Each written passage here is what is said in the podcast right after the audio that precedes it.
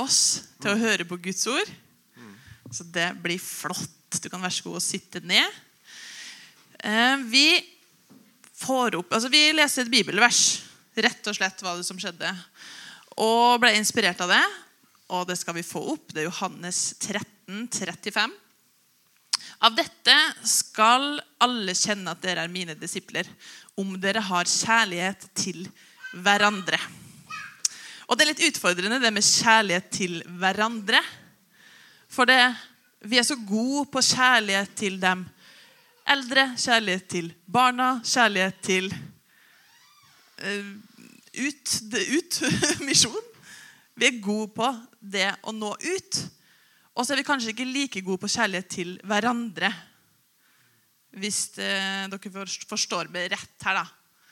At vi kanskje Vi kommer nok ikke med noe svar i dag, tror jeg. For det tror jeg ikke vi kan finne på den måten. Men vi kommer med tanker og vi kommer med innspill fra våre hjerter om og for min del da, refleksjon rundt det her bibelverset. Og den første predikanten vi skal ha ute, det er Marianne. Så vi gir henne en stor applaus.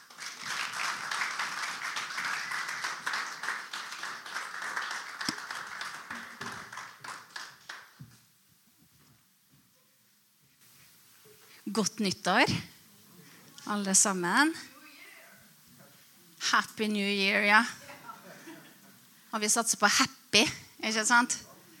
Uh, og jeg tenkte jeg skulle Jeg tenkte jeg skulle Jeg skal. uh, uh, si litt om det med å gi. Eh, fordi at eh, I Johannes 3, 16 så står det jo det at for så høyt har Gud elsket verden at han ga. Sånn at det med å gi, det har med kjærlighet å gjøre. Eh, og, og det med også det gir det glede å gi. Ikke sant? Og da, og da er det snakk om å gi av det vi har. Vi kan jo ikke gi noe vi ikke har, kan vi vel? Ikke sant? Og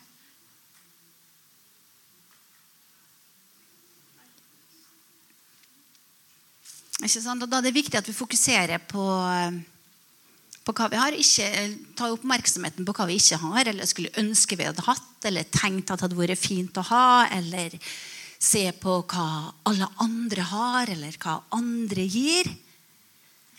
Men eh, hva er det jeg har, og hva er det jeg kan gi? Og og òg at vi skal komme videre inn i og opplevelse, velsignelsen med det å gi. At du får til å kunne gi enda mer. Og nå snakker jeg ikke bare om penger. Jeg snakker om mye mer enn det. Ikke sant? Og Gud han er jo den som gir til oss. Så det er jo fordi at vi har fått det fra Han, at vi kan gi videre til andre. Han er den som gir all god gave. Han er den som sørger for at vi har det vi trenger, og overflod til alt godt verk. Ikke sant? Og det vi gir av tid, av arbeid, av kunnskap, av gaver eller penger, av omsorg Ja, så det til å være, være sammen med andre. Og, og det som er, det som vi bruker tida vår på, er gjerne det vi er engasjert og opptatt av. Altså Hvis du har drevet her og holdt på å vaske og rydde eller holdt på å dreve med noe dugnadsarbeid, så får du en tilknytning til bygget. Du er litt opptatt av hvordan det er her.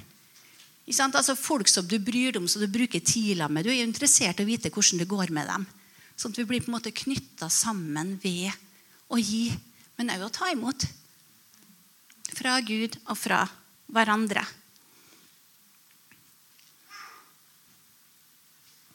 Og ber du for noe, eller ber for noen, så er du også opptatt av hvordan går det der.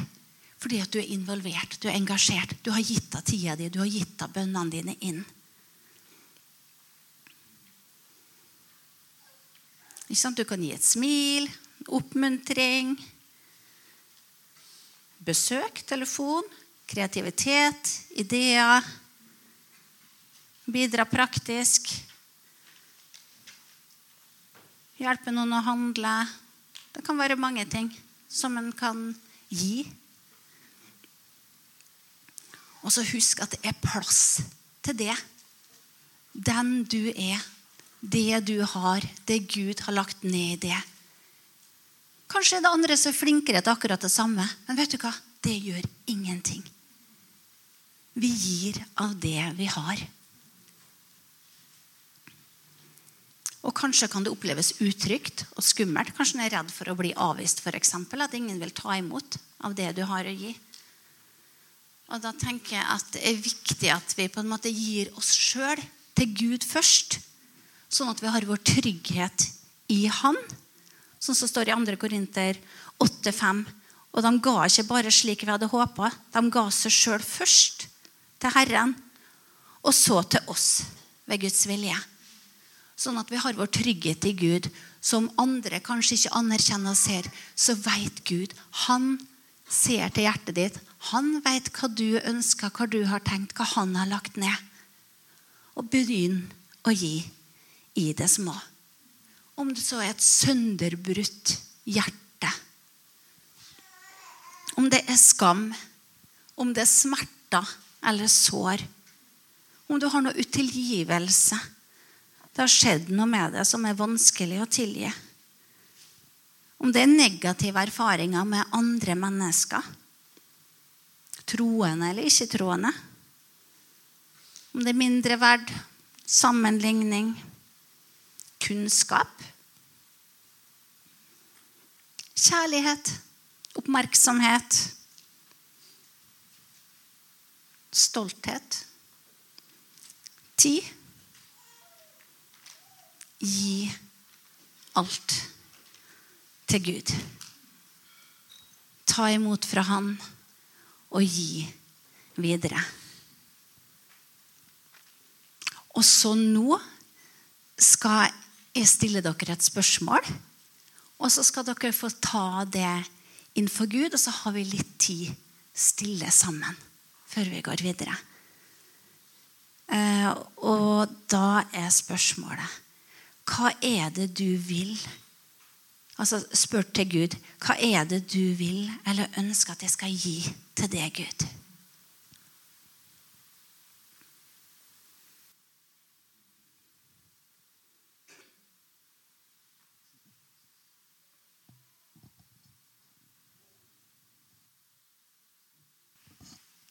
Ja, hva er det Gud ønsker at du skal gi til han?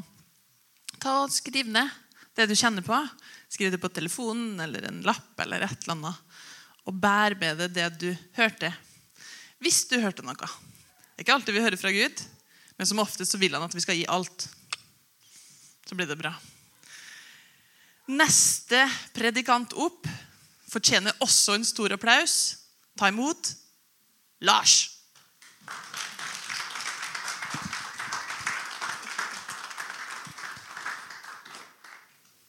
Godt nyttår, alle sammen. Kjekt å treffes. Kjekt å være sammen igjen. Kjenner det at det, det er veldig bra. Når vi snakka og fant ut at vi skulle dele, dele på og dele, sagt, så bare detter ned med det med å smake og kjenne at Herren er god.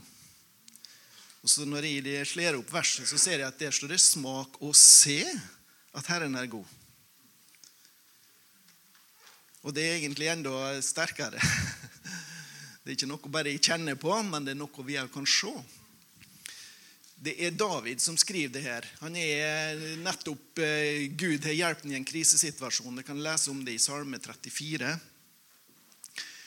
Og da, Duken her er i ferd med å dette ned, tror jeg. Men det er nå ikke noe stort problem, egentlig. Sånn. Det hjelper iallfall. Han, eh, David i Salme 34. Og da ser sier han bl.a. den akkurat de ordene her som vi har reflektert litt på. Da. Smak og se at Herren er god, og salig er den mann som tar sin tilflukt til ham. Hva betyr det her for oss? Smak. Hvordan kan vi smake og kjenne at Herren er god? Hva er det, hva er det vi kan gjøre? Smak er jo en, en aktiv handling. Det er noe du må ta imot, det er noe du må gjøre for å smake. Hvis du tenker på mat, så kan vi ha litt sånn mm, ta, ta, Jeg tror ikke jeg liker ta det. Og det er mange som har den holdninga til Gud. Nei, jeg liker ikke han. Jeg har ikke, lyst til å, det, jeg har ikke lyst til å smake engang. Men så er det noe at du må ta imot. Og så må du smake på det som Gud vil gi deg. Smak og se at Herren er god. Og når vi gjør det, hva det nå måtte være da, i våre liv, hva er det å ta og smake? Så tror jeg vi vil se at han er god. Du vil oppdage det, du vil erfare det. Det vil bli synlig for dine øyne. Se at Herren er god. Han Peter òg sier det i 1. Peters brev, så snakker han om at eh, dere som har smakt at Herren er god Smakt, dere som har smakt at Herren er god. Og I hebreerne så står det om at å ha smakt den himmelske gave og fått del i Den hellige ånd, har smakt Guds gode, gode ord og kreftene for den kommende tidsalder. Det er noe, noe Gud har for oss, det er noe Gud har gitt oss, som vi kan få lov å smake. Og jeg ønsker det at 2024 kan bli et år der vi får smake mer av Gud. At Guds gave til oss skal bli At vi kan begynne å forsyne oss av Guds gave, for å, si, for å dra det bildet litt videre. da. At det kan bli noe stort i livet vårt som vi kan få dele med andre. Som vi kan gi ut. Og Guds gave til oss det er jo Guds kjærlighet. ikke sant? Gud er i kjærlighet så ga han seg sjøl. Men hva betyr det? Hvordan kan jeg smake på det i mitt liv? Hvordan kan den som jeg spiser av Gud, få lov å prege livet mitt i 2024? Slik at det skal prege både mitt liv og vårt liv og de rundt meg som jeg treffer på sitt liv. Det er faktisk mulig. Og jeg tenkte på den kvinna som Jesus møtte ved brønnen. Som, eh, som Jesus spør kan du kan jeg få vann med det.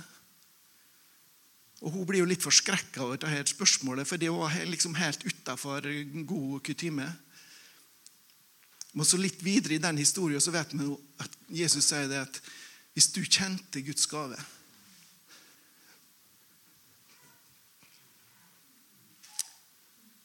kjenner vi Guds gave til oss.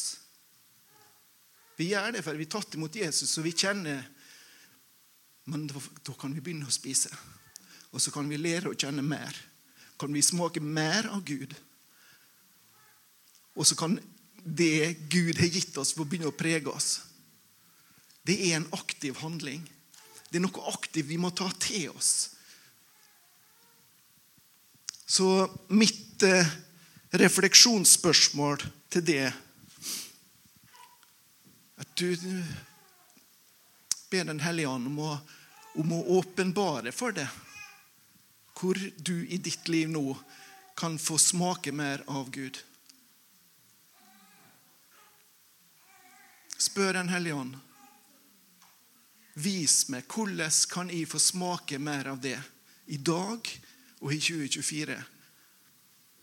Hvordan skal det virke på mitt liv? Amen.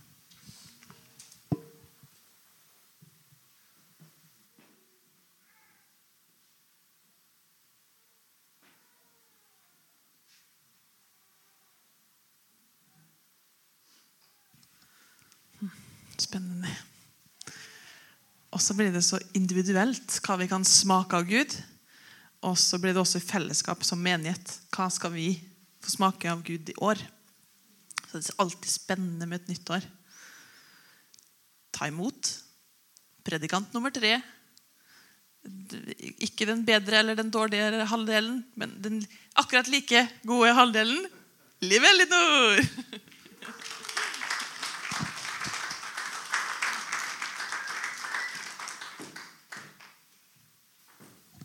takk for det.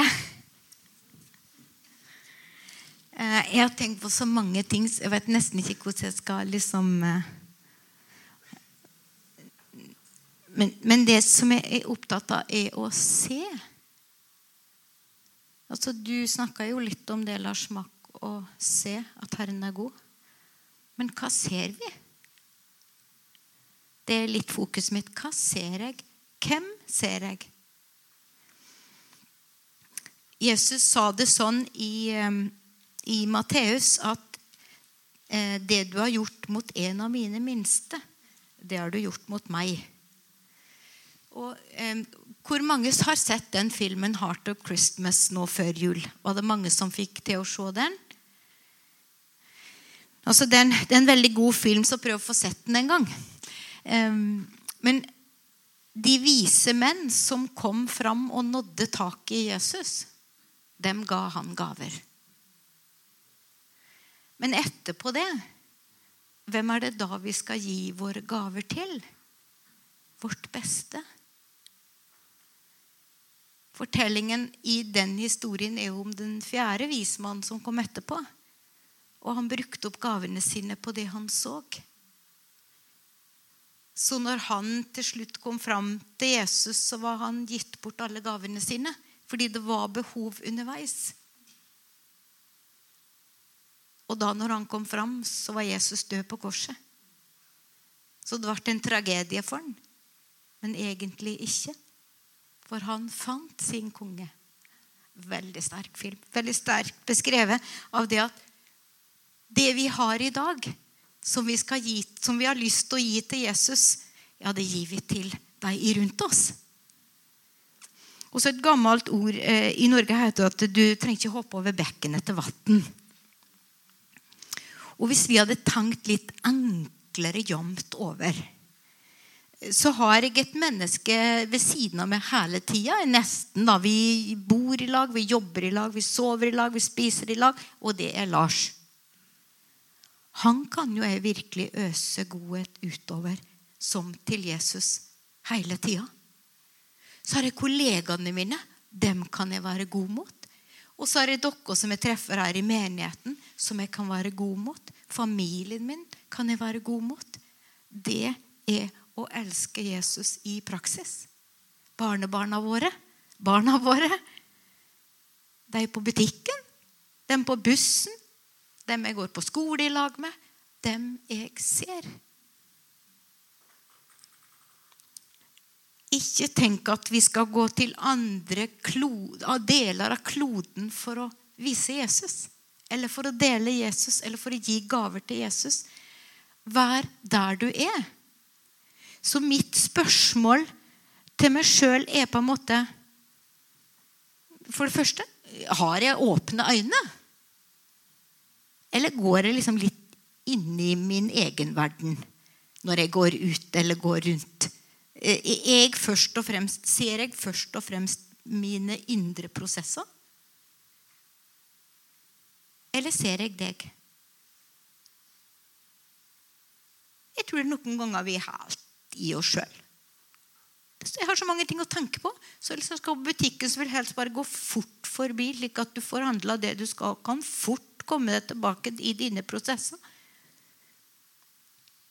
Så spørsmålet mitt eh, har jeg åpne øyne, og hva bruker jeg dem til? Hvem ser jeg? Eller er jeg bare i mine egne ting? Det kan vi reflektere litt over.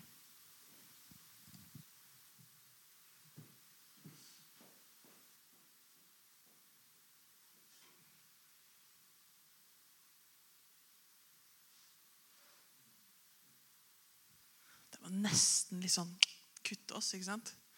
Fordi vi er veldig gode på å gå i vår egen boble. Flere? veldig gode på å gå i vår egen boble. Og jeg er alltid, altså jeg er ikke noe sjenert. Hvis du tar akkurat den herre Du ser noen på butikken. Ikke sjenert. Og hvis jeg kjenner at Gud sier noe, så kan jeg godt dele det med dem rundt meg. Men jeg går på butikken med nesa i gulvet, henter melk og går ut igjen. Det var helt forferdelig, egentlig. Så Kanskje det er det jeg skal bli bedre på i 2024? Og se litt opp. Og i det minste liksom starte med å si hei. For på nærbutikken på Farstad der er det de samme ti som går igjen. Så, så jeg skal bli kjent med dem etter hvert. Den neste predikanten er meg. Én klapp. Nei. Superbra. Jeg må si at det er skikkelig skikkelig rart å skulle liksom forberede noe og dele igjen. Det syns jeg var kjempevanskelig.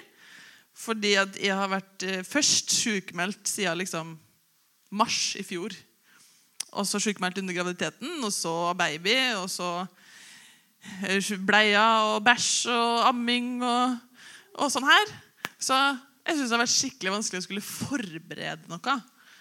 Så også er det rart å stå med mikrofonen igjen, og så er det rart å stå foran dere. Rune så gransker med alt de sier. Hvor skal du med dette her? Nei da, jeg får som oftest skryt av Rune etterpå. Rune skal jobbe med ansiktet sitt i 2024. det er godt å, godt å dele igjen nå, og så er man jo til, til sjuende og sist bare seg sjøl, da. Så, så, det. Jeg skal snakke om kjærlighet. Og fordi at eh, det er godt i meg igjen og igjen Hva liksom gjør vi praktisk for å elske hverandre? Hvis det her er en av de tingene som Jesus sa vi skulle gjøre, og han, han liksom forklarer ja, der framme i 2024 når de ser på dere, så skal de vite at dere er mine disipler fordi dere elsker hverandre. Men hvor mange av dere møter ikke i en time på søndagen, og så har vi ikke noe mer, mer enn det? Jeg kan ikke mellomnavnene på halvparten av dere. Jeg vet ikke hvor mange søskenbarn du har, f.eks. Altså, det er så mange jeg ikke kjenner fordi at man Ja. Men hvis folk der ute skal kjenne at i en Jesus disippel på måten jeg elsker dere, så må vi ha en forandring her. Enig? Men dere må elske meg tilbake, da, så det blir sånn 50-50. sant? For det er jo også litt sånn, Vi er så bekymra for våre egne behov. Men hvem ser med? Og hvem skal si ting til meg? Og hvem skal oppmuntre meg? Men hvis jeg oppmuntrer det, og du oppmuntrer meg, så er vi begge. Da er det bra for begge. ikke sant? Enig? Rune smiler. Det er fantastisk. Superbra. Eh, jeg skal snakke om kjærlighet, som sagt. Og på gresk så er det fire ord for kjærlighet. Og det her kommer jeg til å si helt feil. Det ene ordet er Dere greske bak på hjørnet her. Kan ikke dere si storge? Storg? Storge. Sikkert. Det er familiekjærlighet. Kjærligheten du har gjennom trygghet og glede til f.eks. dine søsken og foreldre. Det er det ene ordet for kjærlighet. Det andre ordet er filia. Venner, eh, kjærlighet til venner og likesinnede mennesker. F.eks. en beste venn du liker å være sammen med. Og så har man ordet eros. Romantisk og følelsesbasert kjærlighet til andre personer. En intim form for kjærlighet. Og så har man det beste ordet av alle agape. Det har vi hørt før. Agape har det vært mye snakk om i menighet. Den guddommelige kjærligheten. Om agape så står det ubegrensa kjærlighet som ikke stiller krav og ikke forventer noe tilbake. Agape er ordet for den kjærlighet som Gud viser overfor menneskene, slik Jesus elska oss først. Agape er den uselviske kjærligheten, viljen til å tjene og være god mot en annen, selv når en er skuffet og såret. Agape er vilje til trofasthet i gode og onde dager. Det er litt av en kjærlighet, det. Og det er sånn som Gud elsker oss. Når vi ser på Johannes 13, 34, så står det et nytt bud gir jeg dere. Altså en befaling. Som, akkurat samme som misjonsbefalinga. Gjør det her. Som er ganske rett fram, faktisk. Dere skal elske hverandre. Gjett hvilken, eh, hvilket ord for kjærlighet som er brukt her, da. Eros. Nei, agape. Agape-kjærlighet. Dere skal elske hverandre med agape-kjærlighet. Sånn som jeg har elsket dere med agape-kjærlighet, skal også dere elske hverandre med agape-kjærlighet.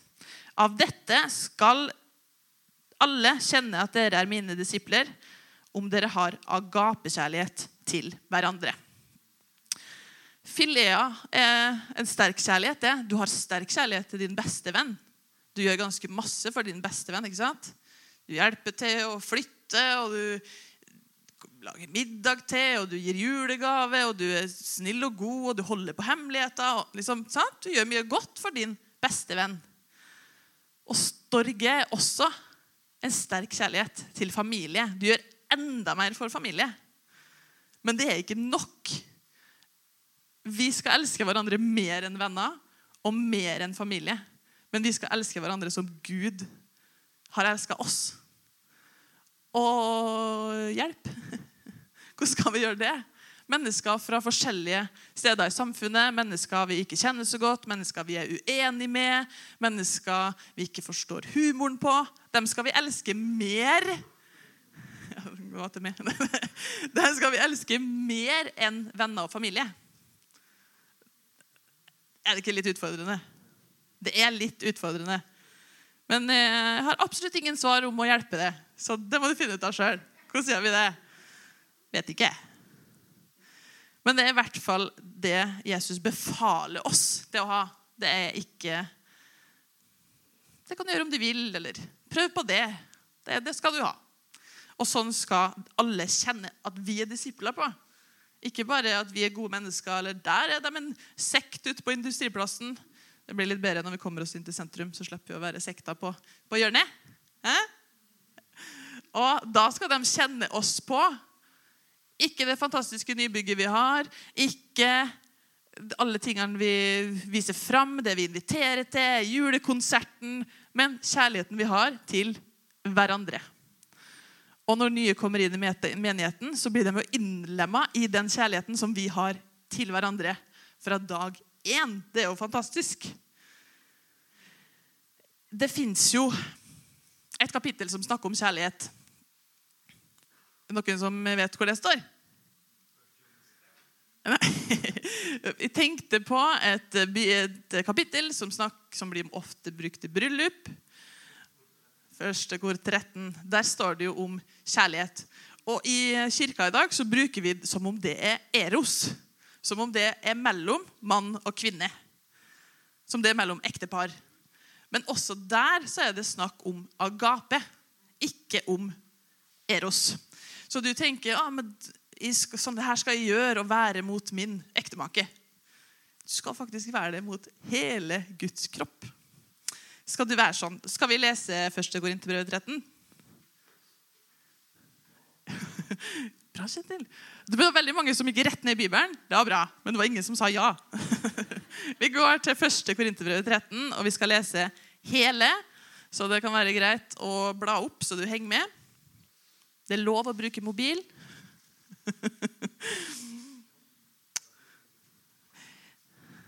er vi der?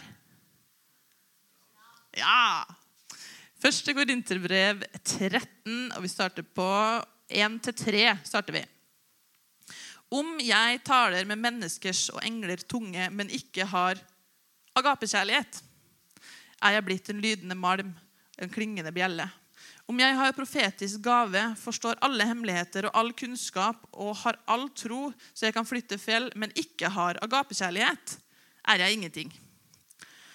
Om jeg gir bort alt det jeg eier til mat for de fattige, om jeg gir min kropp til å brennes, men ikke har agapekjærlighet, gagner det meg ingenting. Ingenting.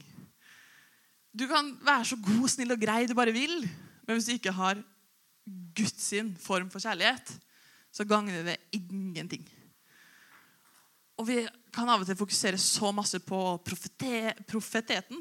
Profeten som profeterer, og lovsangeren som er så flink. Charlotte er jo superflink, sant? så han må jo være en bedre kristen enn alle andre. Men han vet ikke hvor mange søskenbarn jeg har. så om man ikke har agapekjærlighet, så gagner det Charlotto ingenting. Du kan være så bra kristen du bare vil, men det gagner det ingenting hvis du ikke har agapekjærlighet. Vi leser videre fra fire. Og her må vi huske det er ikke eros. Det er ikke til din ektemake det her er snakk om. Det her er snakk om det er Bibelen som forklarer hva agapekjærlighet er. Så her er den kjærligheten som vi skal ha til hverandre, slik at andre kan se at vi er Jesu disipler. Kjærligheten er tålmodig. Den er vennlig. Kjærligheten er ikke misunnelig. Kjærligheten skryter ikke og er ikke oppblåst. Den oppfører seg ikke umoralsk, søker ikke sitt eget og lar seg ikke opphisse. Tenker ikke ut noe ondt. Den gleder seg ikke over urett, men gleder seg i sannheten. Den tåler alt, tror alt, håper alt, utholder alt. Kjærligheten faller aldri bort. Gapekjærligheten som vi skal ha til hverandre, det er den her. Og det er skikkelig vanskelig å være tålmodig med 40 skrikende barn rundt her. Det er skikkelig vanskelig å være vennlig mot noen du kanskje ikke går overens med. Det er utfordrende. altså Vi er egoistiske mennesker som i bunn og grunn er sjølsentrert. Men det er jo det her Jesus sier, da. Det skal vi ikke være. Vi skal ha agapekjærlighet til hverandre. Vi fortsetter i midten av vers 8. Om det er profetiske gaver, så skal de ta slutt. Om det er tunger, så skal de opphøre. Om det er kunnskap, skal den bli borte. For vi kjenner stykkevis, og vi taler profetisk stykkevis. Men når det fullkomne kommer, da skal det, ha, skal det som er stykkevis, ta slutt. Da jeg var barn, talte jeg som et barn. Forsto jeg som et barn, tenkte jeg som et barn. Men da jeg ble mann, la jeg av meg det barnslige. For nå ser vi i et speil i en gåte, men da skal vi se ansikt til ansikt. Nå kjenner jeg stykkevis, men da skal jeg erkjenne fullt ut, slik som jeg også blir fullt ut kjent. Så da blir de stående, disse tre, tro, håp og kjærlighet. Men størst av dem er kjærligheten. Og Det er jo mye man kan si om det inni her, men det er jo litt det samme som starten. Tar du det på fretisk, men ikke har kjærlighet, det ganger ingenting. For alt det går bort, mens kjærligheten står. Og Her er det jo snakk om bestående disse tre. Tro, håp og kjærlighet. Den kan vi godt. Det er litt som Johannes 3, 16. Du, liksom, du kan så godt at du hører ikke. Litt som barnesangen som, eh, barnesangen som Charlotte hadde. Du kan så godt at du tar ikke innover det hva det betyr. Men tro, håp og kjærlighet er de tingene som står etterpå. Når alt faller bort, når all din gode gjerning, når alt det du har oppmuntra og sagt og bidratt, forsvinner, da er det det som står. Tro, håp og kjærlighet. Og jeg er liksom så eh, glad i å liksom sjekke ordet tro her. Det er pistis og betyr både tro og trofasthet. Trofasthet. Så det som står, er tro og trofasthet. Det som står om håp her, er elpis. Og håp ble på gresk eh, sett på en tankegang som var liksom å holde ut i lidelse. Og ikke Mens vi tenker at 'Å, jeg håper at julenissen kommer i år'. Det er liksom vår, den norske formen for håp. da. Den norske, norske formen for håp, definisjonen på det, er håp er en positiv og optimistisk forventning om noe ønsket som skal skje. Så hvis vi baker dem litt sammen, så er håp å forvente på noe optimistisk som er så bra at du heller ut. At du tåler det som kommer, sjøl om det kan være lidelse akkurat nå så holder vi ut. Og så er jo den formen for kjærlighet her er jo så klart agape. Den guddommelige kjærligheten, den kjærligheten vi skal ha til hverandre, den kjærligheten som er tålmodig og som er vennlig, og som hele regla, det er den kjærligheten som står igjen. Ikke storge eller filea eller eros. Filia. Men agape er den som skal stå igjen. Så hvis vi nå liksom bærer med oss det her da, betydninga av agape, hva det står, hva Bibelen sier um, At det er den istedenfor bare liksom Vær glad i. Og så går vi tilbake til det her. Av dette skal alle kjenne at dere er mine disipler, om dere har kjærlighet til hverandre. Og i 2024, hvordan kan det se ut for oss at vi har agapekjærlighet for hverandre? Nesten som man skulle tenkt på det her og tatt det opp på neste årsmøte. Hva kan vi gjøre som menighet til å bli så godt kjent og være så baka sammen at vi har agapekjærlighet til hverandre? For er det én ting vi trenger i 2024 og 2025 og 2026 og 2027 og 2028 osv., så, videre, så er det å stå sammen i alt. Om man har tvil på noe, så løfter man opp det spørsmålet. Om man er uenig, så snakker man om det. Man tar det opp. Men om vi kan bli sammen og tenke at alle ting som vi gjør, skal dra oss sammen. Når vi har filmkveld med noen i menigheten, så skal det dra oss sammen. Når vi har søndagsskole, vennetreff, når vi Når vi har life-gruppa, når vi er i småfellesskaper, så skal det i bunn og grunn dra oss sammen i gruppa og sammen som menighet. Og ikke fra hverandre. Vi trenger ikke noe mer splittelse nå. Det har vært så masse splittelse i kristendommens historie. En grunn til at vi har eh, pinsebevegelsen og luthersk og alt mulig. Men vi må dra oss sammen. Det er én kropp, og det er én Herre. Og vi skal ha denne typen kjærlighet. Og det er sånn de skal se at vi er Jesu disipler på. Ikke på klistremerket bak på bilen eller på korset vi har rundt halsen, men på at vi elsker hverandre med agapekjærlighet. Så spørsmålet som jeg vil at vi skal reflektere litt på, og det skal vi reflektere på med en sang, er hvordan kan vi som menighet elske hverandre med agapekjærlighet? Tenk på det.